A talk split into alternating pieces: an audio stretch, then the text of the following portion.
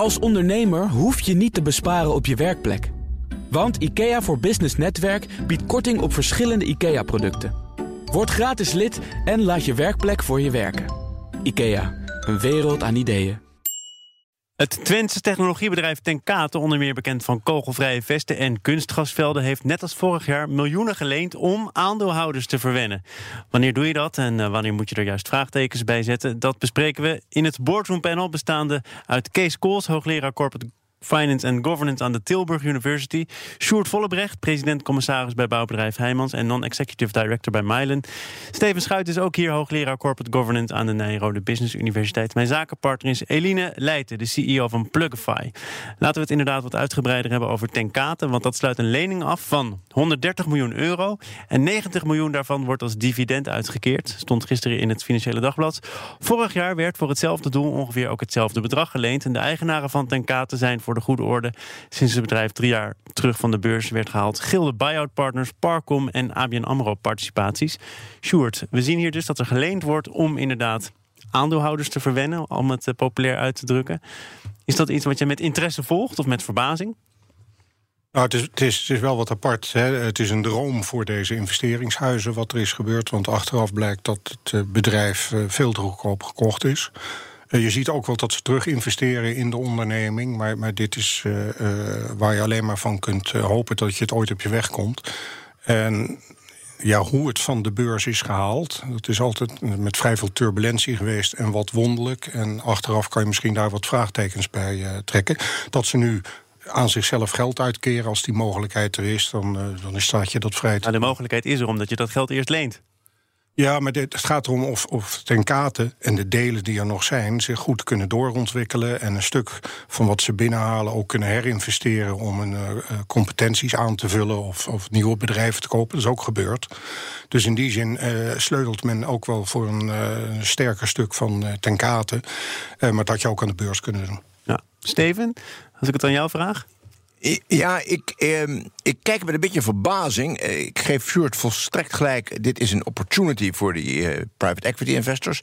Maar uh, er was, toen ze van de beurs gehaald werden, hele uitdrukkelijke afspraak. dat ze juist niet zou worden opgesplitst en, en, en, en, en, in stukjes verkocht. Ja, laten we het even uitleggen, want er wordt inderdaad gezegd... het is een gouden kans. Wat er is gebeurd, er is al een onderdeel van ten kate verkocht. Ja. En alleen dat onderdeel al was meer waard, bleek dan uh, het hele bedrijf. Ja. Waar die drie nieuwe ja. eigenaren het voor gekocht hebben. Ja, dat is eigenlijk dus heel merkwaardige uh, uh, going private. dus waarschijnlijk te weinig waarde toegekend aan de bedrijfsonderdelen. Dat zijn ze nu gaan verbeteren. Ze zijn die bedrijfsonderdelen aan het verzelfstandigen, zo te zien. En dat betekent dus dat er straks een exit komt van die bedrijfsonderdelen. Die overigens, moet ik zeggen, niet heel veel uh, onderlinge samenhang vertonen. Het zijn uh, bedrijfsonderdelen van je zou zeggen, ja, het is meer historisch verklaarbaar waarom ze samen zijn. En dat ze nou een groot logisch en een synergetisch verband. Uh, maar dan gaan we toch al naar de toekomst. Ik wilde toch even beginnen bij wat de aanleiding was voor dit gesprek. Namelijk het feit dat je geld leent om het vervolgens als dividend weer uit te keren. Is ja. dat de gebruikelijke gang van zaken of niet? Ja, dat komt bij private equity veel vaker voor. En dat is ook eigenlijk iets wat je. Uh, wat een van de belangrijkste argumenten is waarom men zich tegen private equity keert. Dat men het gaat herfinancieren en zo gaat creatief gaat financieren om de aandeelhouders uh, zoveel mogelijk cash uh, ter beschikking te Zoals stellen. jij het nu uitlegt, klinkt het ook niet per se positief als je nee. creatief gaat financieren. Nee. Dat is dus eigenlijk wat. Hier alleen eh, ontstond er een mogelijkheid om dat te doen.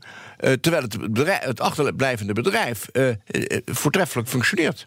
Wat denk ik linkersoep is, en wat je vaker ook wel ziet, is dat natuurlijk een private equity fonds stapt in. Zeker als ze heel korte looptijden hebben. Geld is nu natuurlijk goedkoop, de rente staat laag. Je kunt makkelijk vreemd vermogen aantrekken. Je laat de vennootschap vol met schuld. En je stapt er zelf uit, maar niet voordat je eerst nog zelf wat dividend eruit trekt. Dat is natuurlijk de boeman, het imago wat private equity tegen heeft anderzijds denk ik wel, als je ziet dat bedrijfstakken individueel weinig synergie vertonen, dat er ook vanuit bedrijfseconomisch perspectief veel voor te zeggen valt om die te splitsen. En vind ik het moet ik zeggen dat ik niet, niet op de hoogte ben van de afspraken die gemaakt zijn pre-going private. Maar outside in vind ik het ook wel waardecreatie om dan binnen zo'n korte tijd meteen voor 930 miljoen dat ten kate Advanced Composities nou, te verkopen. die zijn volgens mij dat afgesproken was dat er in ieder geval drie jaar lang dat bedrijf intact zou worden gehouden. En daar werd al van afgeweken met de verkoop van dat ene onderdeel. En uh, Kees, als ik het goed begrijp, dan zijn er heel veel signalen die erop wijzen dat er nog heel veel meer gaat gebeuren bij Tenkate. Uh, wat kun je dan zeggen over hoe hard die afspraken zijn? Nou, ik, weet niet hoe hard die afspraken zijn. Ik weet ook niet wat er bij ten kate gaat gebeuren. Ik weet wel, uh, kijk, Schort zegt het is een uh, opportunity switch. Dat is vanuit een beleggersperspectief. Maar wat is het businessmodel van private equity? Dat zijn drie dingen. Dat is focus op cash in plaats van winst, dus echt op geld uh, eruit halen. twee, leverage. En op, de, en op de derde plaats ook het management flink laten meedelen, zodat zij ook uh, helemaal uh, uh, in lijn acteren met, het, met de aandeelhouders in tegenstelling tot bij beursgenoteerde bedrijven. En op de vierde plaats, wat je heel vaak ziet, vervolgens de cash eruit halen. En dat is al heel vaak voorgekomen in Nederland. Uh, toen AXO de dieseldivisie verkocht. Binnen een jaar tegen alle afspraken in.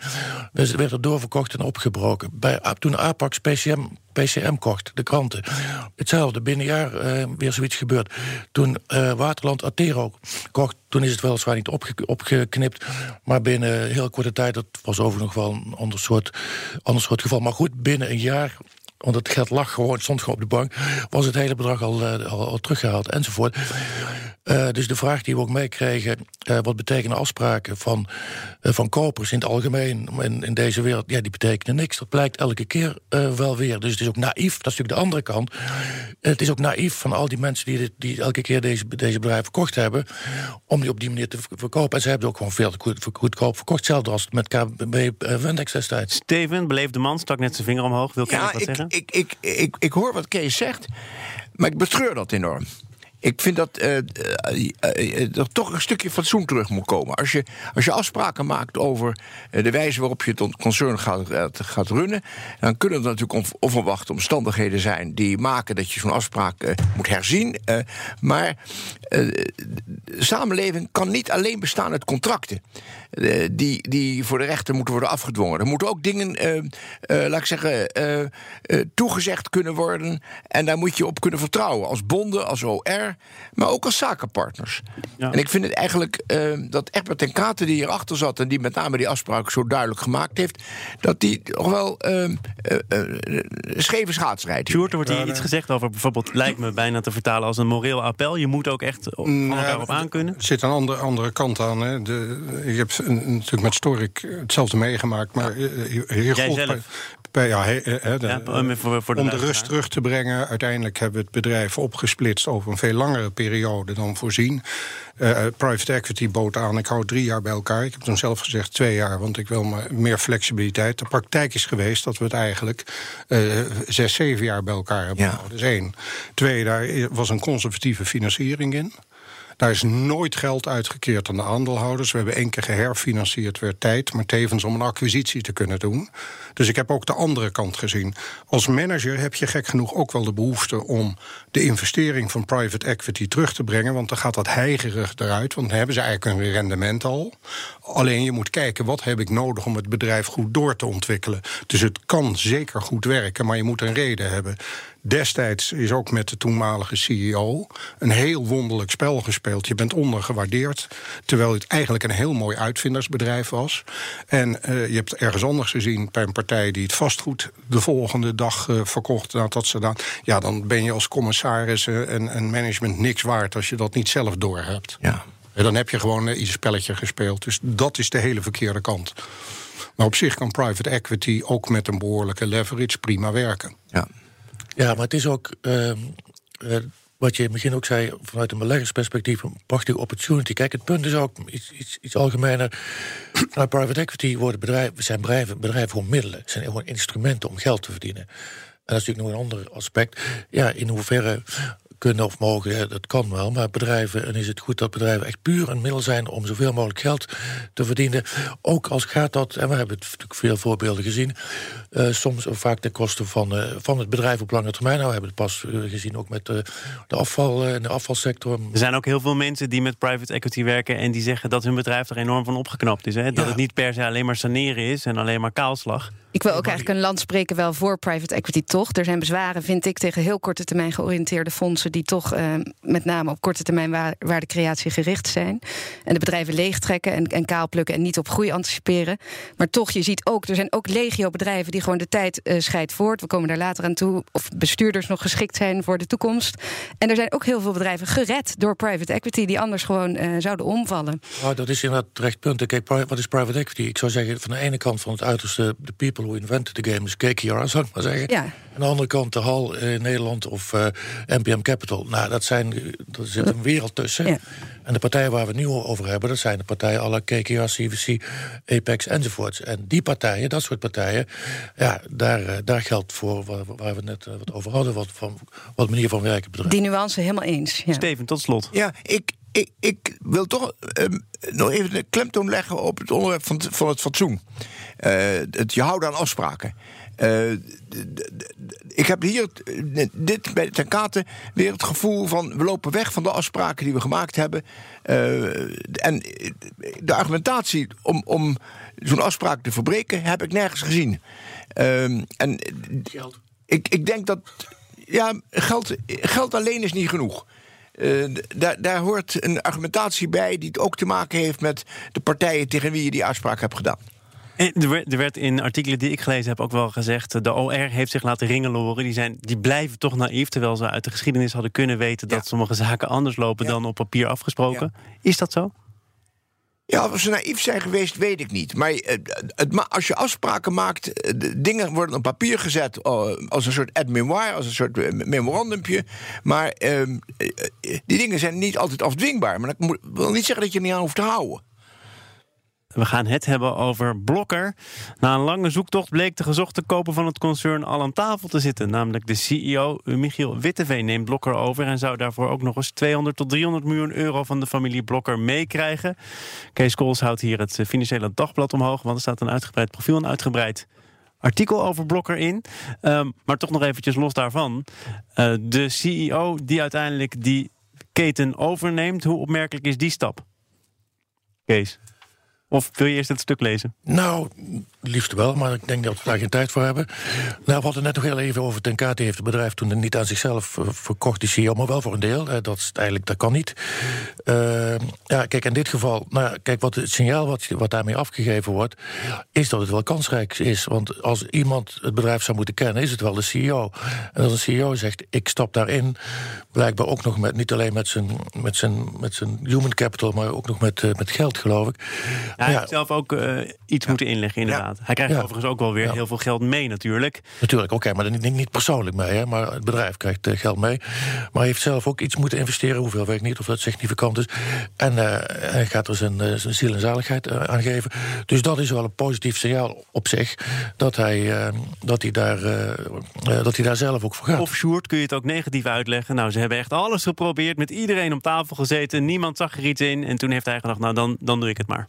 Maar je, hebt, je hebt de ene kant, hè, dat, dat geld wat dan in de krant staat dat meegaat... kan zijn dat dat kwijtschelden van leningen is die zijn gegeven. Er kunnen nog garanties lopen naar de familie... en dan door een goed hoeveelheid geld mee te geven... en kansrijk een toekomst uh, te geven... Dan, dan kan je dat losweken van je, van je privékapitaal. In ieder geval, de familie Blokker heeft alles aangedaan... en is zeer trouwens aandeelhouder geweest om dit bedrijf uh, te redden. Ik vind de andere kant dat uh, men is de formule uh, kwijtgeraakt. Het is onduidelijk geworden. Ze hebben eigenlijk het beleg van een boterham laten eten. Ze hadden een goede positie noodzakelijke of nuttige huishoudelijke artikelen. Niet eigen artikelen. En uh, vanuit goede positie in winkelstraten zijn ze toch langzaam maar zeker geërodeerd. En dat is jammer. Maar ze hebben wel gezegd, we gaan niet verder snijden in het winkelbestand. Dus ze houden dan in ieder geval voorlopig vast aan het aantal winkels, vestigingen dat ze nu hebben. Ja, ik zou in dit geval altijd, uh, je verantwoordelijkheid is de continuïteit zo goed mogelijk te borgen. Het eerste wat je moet doen is, er is een cashpot. Hoe lang hou ik het daarop vol? En wat kan ik eraan doen om te zorgen dat ik het langer vol kan houden dan dat ik nu verwacht? En als je daar winkels voor moet sluiten, dan moet je dat direct doen. Dat is in mijn ogen je verantwoordelijkheid als nummer één van de onderneming. En dan ga je conscientieus doorbouwen aan weer een heldere formule en hopelijk een, een winnende formule. Wat, ik, wat ik eigenlijk eh, zo schitterend vind. in, het is bijna een, een, een case study die je over zou willen doseren. Ehm, hoe zo'n familiebedrijf de verantwoordelijkheid blijft nemen uh, ook voor, nog over een paar jaar, dat ze er eigenlijk niet meer in zitten uh, voor deze onderneming, waar ze uh, echt met hun naam voor staan ook. Hè? Ik, dat is het mooie van familiebedrijven, dat ze langer termijn denken. Houdt dat ergens op? Want dat is ja, wel opvallend. Ze hebben gezegd, dit is het, 200 tot 300 miljoen. Over de precieze bedragen kan nog even worden gespeculeerd. Drie jaar lang. En dan maar ze hebben, is kijk, dat einde. Kijk, het is eindig. En tegelijkertijd hebben ze wel iemand gevonden die retail kent. Witteveen is niet gek. Uh, dus die zal heus wel goed nagedacht hebben met de familie aan tafel. Uh, die sommetjes hebben gemaakt en dat bedrag uitonderhandeld. Uh, of ze dat met dat bedrag het redden weet ik niet. Ik denk dat niemand van buiten dat weet. Uh, dat is ook een kwestie van hoe je nou uh, de strategie gaat ombuigen en het verdienmodel gaat aanpassen. Uh, maar hij heeft, naar mijn idee, een opdracht gekregen van de familie om zo goed mogelijk dat bedrijf overeind te houden. Dat lijkt me een hele goede opdracht. En dat vind ik, nou ja, dat is, een, ja. dat is iets wat hij volgens mij daar ook met zijn naam en zijn, zijn ook zijn eigen geld zal proberen ja, te gaan hoort doen. Daarbij, want Sjoerd zegt hier, verantwoordelijkheid nemen zou ook kunnen betekenen toch winkels sluiten. Als dat voor de toekomst van het bedrijf beter is. En dat is al uitgesloten, blijkt. Nou ja, uitgesloten. Alle, alles is uh, op een gegeven moment, uh, als, het, als het echt tegen, tegen zit... en hij, het lukt hem niet om de, het roer behoorlijk om te gooien... dan zal hij toch iets moeten doen om te voorkomen dat het een faillissement eindigt. dus ik denk dat hij toch bij de familie heus nog wel eens een keer aan kan kloppen... om te vertellen hoe het gaat. Ik zou ook twee kanttekeningen willen maken. Allereerst denk ik dat het echt niet bodemvissen is en dat dit de laatste koper was. Ik denk dat een management buyout in general een goed idee is op het moment dat de eigenaar vertrouwen heeft in het management en de manager draagvlak heeft binnen de organisatie die het uiteindelijk moet doen. En wat ik zou doen is ook inderdaad korte termijn, er zullen een aantal winkels moeten sluiten. Ik heb veel in retail ook gewerkt en dan als je een grafiekje maakt met, uh, gaat allemaal over winstgevendheid per vierkante meter, zul je grote verschillen zien tussen de verschillende winkels. Dan laat je de longtail gaan, maar daarna moet je ook wel winkels behouden om een omnichannel experience te kunnen faciliteren. En dan denk ik dat Hunkemuller een prachtig schoolvoorbeeld is van hoe je retail in de 21ste eeuw kunt, vorm kunt geven. Kees.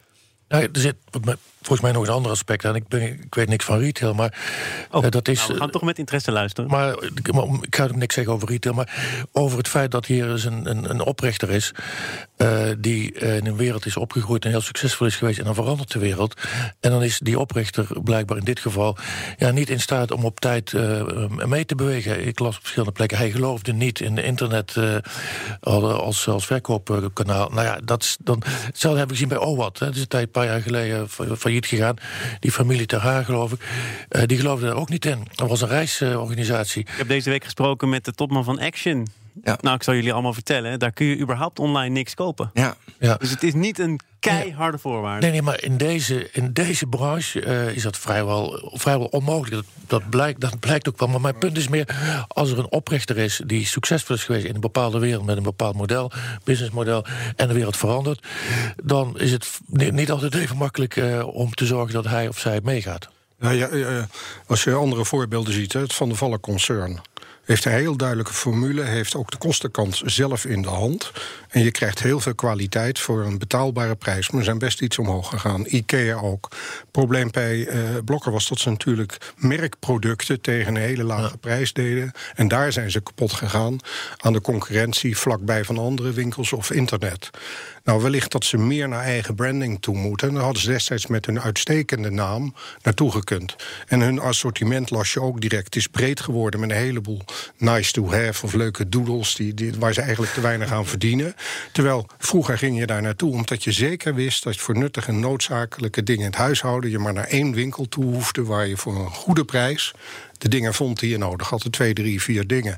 Wellicht zit in die kern nog steeds de toekomst voor die onderneming. Maar dan moet je eerst zorgen dat het schip wat aan het zinken is... blijft drijven en dat de pompen het drijven te kunnen houden. Maar de andere winkel is Hema waar je daar naartoe kunt. En daar gaat het ook niet zo goed mee. Ik bedoel, het is een, blijkbaar gewoon een lastig, een lastig segment. Ja, maar dat komt natuurlijk ook uiteindelijk bij deze retailers... allemaal toch ook wel deels door internet waar ze te laat op zijn ingesprongen... en deels door de vrienden uit Noord-Holland... die met Action een propositie hebben neergezet... waardoor goedkoop een heel andere definitie krijgt. Ja. Wat ik denk waar je ook zwaarder op moet inzetten als tegenhanger... Want ik denk dat action en de hele supply chain niet duurzaam is... en dat de millennial daar in elk geval niet naar binnen loopt. Ik zou vol inzetten op duurzaamheid, omdat die prijzen niet kunnen. Ik wil met uh, jullie naar het laatste onderwerp dat we in dit panel gaan bespreken. Heeft iets te maken met oprichters die ideeën hebben over bedrijven en dan misschien niet snel genoeg anticiperen op hoe de wereld verandert. Want de huidige generatie topbestuurders is niet klaar voor de uitdagingen die de komende jaren op hun ondernemingen afkomen. Blijkt uit uh, onderzoek van een adviesbureau. Corn Ferry gaat met name op uh, technologisch vlak een rol spelen. En dan zeggen ze ook: voor zeven op de tien grote beleggers zijn de toekomst en de visie van de CEO belangrijker dan recente financiële prestaties. En die visie en die toekomst, dat ontbreekt dus bij veel topbestuurders. Sjoerd, ben jij net zo somber gestemd? Nee, uh, niet. Uh, kijk, uh, je, je, type leiderschap wat je moet hebben is... vandaag moet je geld verdienen, je moet de acties nemen... om overmorgen succesvol te zijn, en die doe je morgen. En je moet een gevoel hebben van waar je naartoe moet. Er, er komt een hele technologische revolutie op ons af... waar niemand precies weet hoe dat gaat uitmonden. Wat je wel nodig hebt in je topteam is nieuwsgierigheid en de wil om daar een rol in te blijven spelen. En van daaruit moet je de weg vinden. Zitten er de goede mensen op de goede plekken om dan een rol te kunnen blijven spelen in die veranderende wereld? Want daar worden er hier dus vraagtekens bij gezet. Ja, ik, ik, het is altijd als je een wijziging ziet, dan moet er opeens weer een andere kerncompetentie in en moet het bedrijf leiden. Dat werkt zelden, want het is een groep van mensen die samen een bedrijf maken. Maar als nummer één moet je ervoor zorgen dat er enige regie is en dat je de juiste mensen aan tafel brengt om ook vernieuwend te denken. En dat moet je stimuleren. Dan hoef je zelf die competentie iets minder te hebben, dat je die grote creatieve geest bent. Ja, dat vernieuwend denken, Sjoerd, dat is eigenlijk toch uh, waar het over gaat. Hè? Je bereid bent om uh, ter discussie te stellen waar je mee bezig bent. Uh, die nieuwsgierigheid waar je het over had, is reuze belangrijk. Dat is een, een, een persoonlijke eigenschap waar je ook CEO's op moet, uit, moet toetsen als je ze uitkiest. Het moeten mensen zijn die niet vastzitten in een patroon waardoor ze, als ze al twintig jaar bij die onderneming hebben gewerkt, het 21ste jaar noodzakelijkerwijs weer goed gaan doen. Het moeten mensen zijn die, die wendbaar zijn. En die nou, ook... Dat moet allemaal, maar dat is dus op dit moment kennelijk niet zo. Nou, dat is niet waar. Dat is niet waar. Oh, is ik, heb, ik, krijg een, uh, uh, heel recent een prachtig rapport van de World Economic Forum uh, in handen. En daar staat in dat die CEO's zelf ervaren dat ze natuurlijk met een tekort aan tijd schipperen. En dat het een geweldige struggle is om. Kees Kools is aan het afhaken, begrijp ik. Of ja, niet? Met, wat een geweldige struggle is om binnen de beperkte tijd van 24 uur van een dag. Uh, de tijd te vinden om, om al die functies te dat vervullen. natuurlijk 20, 30 jaar geleden misschien ook al zo, toch? Nee. Oh. Nee, dat is eigenlijk dus nu anders. Er zijn op dit moment uh, meer onvoorziene omstandigheden, denk ik, dan 15 of 20 jaar geleden. Kees? Nou, ik, dan haak ik weer even aan. De, ja, nee, nee. Over dat rapport, hè, naar aanleiding waarvan we hier over praten. Ik vond het maar een heel matig rapport. Er stond, uh, er is, uh, de, de CEO's zijn niet klaar voor de toekomst. Uh, dat komt door het polderen, ons gepolder. En even verderop stond dat Nederland het beter doet. Dat de rest van de wereld dus blijkbaar helpt het polderen juist. En de wereld verandert altijd. In, in, de verandert nu sneller dan 100 jaar geleden. Maar zeg maar procentueel verandert die altijd ongeveer. En dan, dan is de gedachte dat door dat polderen gaan we niet snel genoeg mee in die verandering. Ja. Dus afschaffen dat, al die inspraken, al die dat, meningen. Maar dat blijkt dus uit hun eigen rapport niet zo. Nederland scoort beter da, dan anderen. En over het feit, het punt van CEO's hebben onvoldoende tijd. Ja, dat was dat probleem zal er vroeger ook geweest zijn. Dat is juist hun taak om te zorgen dat anderen, zoals Sjoerd ook zegt, vervolgens doen wat ze moeten doen. CEO is overigens geen ondernemer, is natuurlijk ook een klein, klein dingetje. Het zijn bestuurders, zijn ondernemers. En hoe innovatief ze zijn enzovoort. Ja, dan moet je zorgen dat er ondernemers zijn, dat mensen op de goede plek zitten. Een visie hebben. En zorgen dat mensen op de goede plek de goede dingen doen. Laatste woord komt van Eline, want we moeten naar uh, het einde van dit programma toewerken. Prima, en wat ik wilde zeggen over tijd is wat ik denk dat tijd zou schelen, is toch het uh, aannemen van meer uh, praktijken die binnen start-ups heel gebruikelijk zijn. En het sneller naar de markt brengen van je producten om sneller met je klanten te itereren en te weten wat zij ervan vinden. In plaats van de ellenlange RD-cycles die nu toch vaak bij de grote corporates wel uh, er zijn. Het is allemaal zo eenvoudig. Daarom gaan corporates Het is goed genoeg, ja. Dan naar de markt. Daarom gaan corporates ook ten onder, denk ik. Ja, sterven in schoonheid. Nou, laten we optimistisch eindigen. Dank daarvoor. Kees Kools was hier, Steven Schuit was er, Sjoerd Vollebrecht en Eline Leijten, de CEO van Plugify. Mijn zakenpartner van vandaag. Fijn dat jullie er allemaal waren. Dank daarvoor. Graag Dank. tot de volgende keer. Een kleine update maakt een wereld van verschil. Daarom biedt IKEA voor Business Netwerk gratis snelle interieurtips en ideeën. Word gratis lid en laat je werkplek voor je werken. IKEA, een wereld aan ideeën.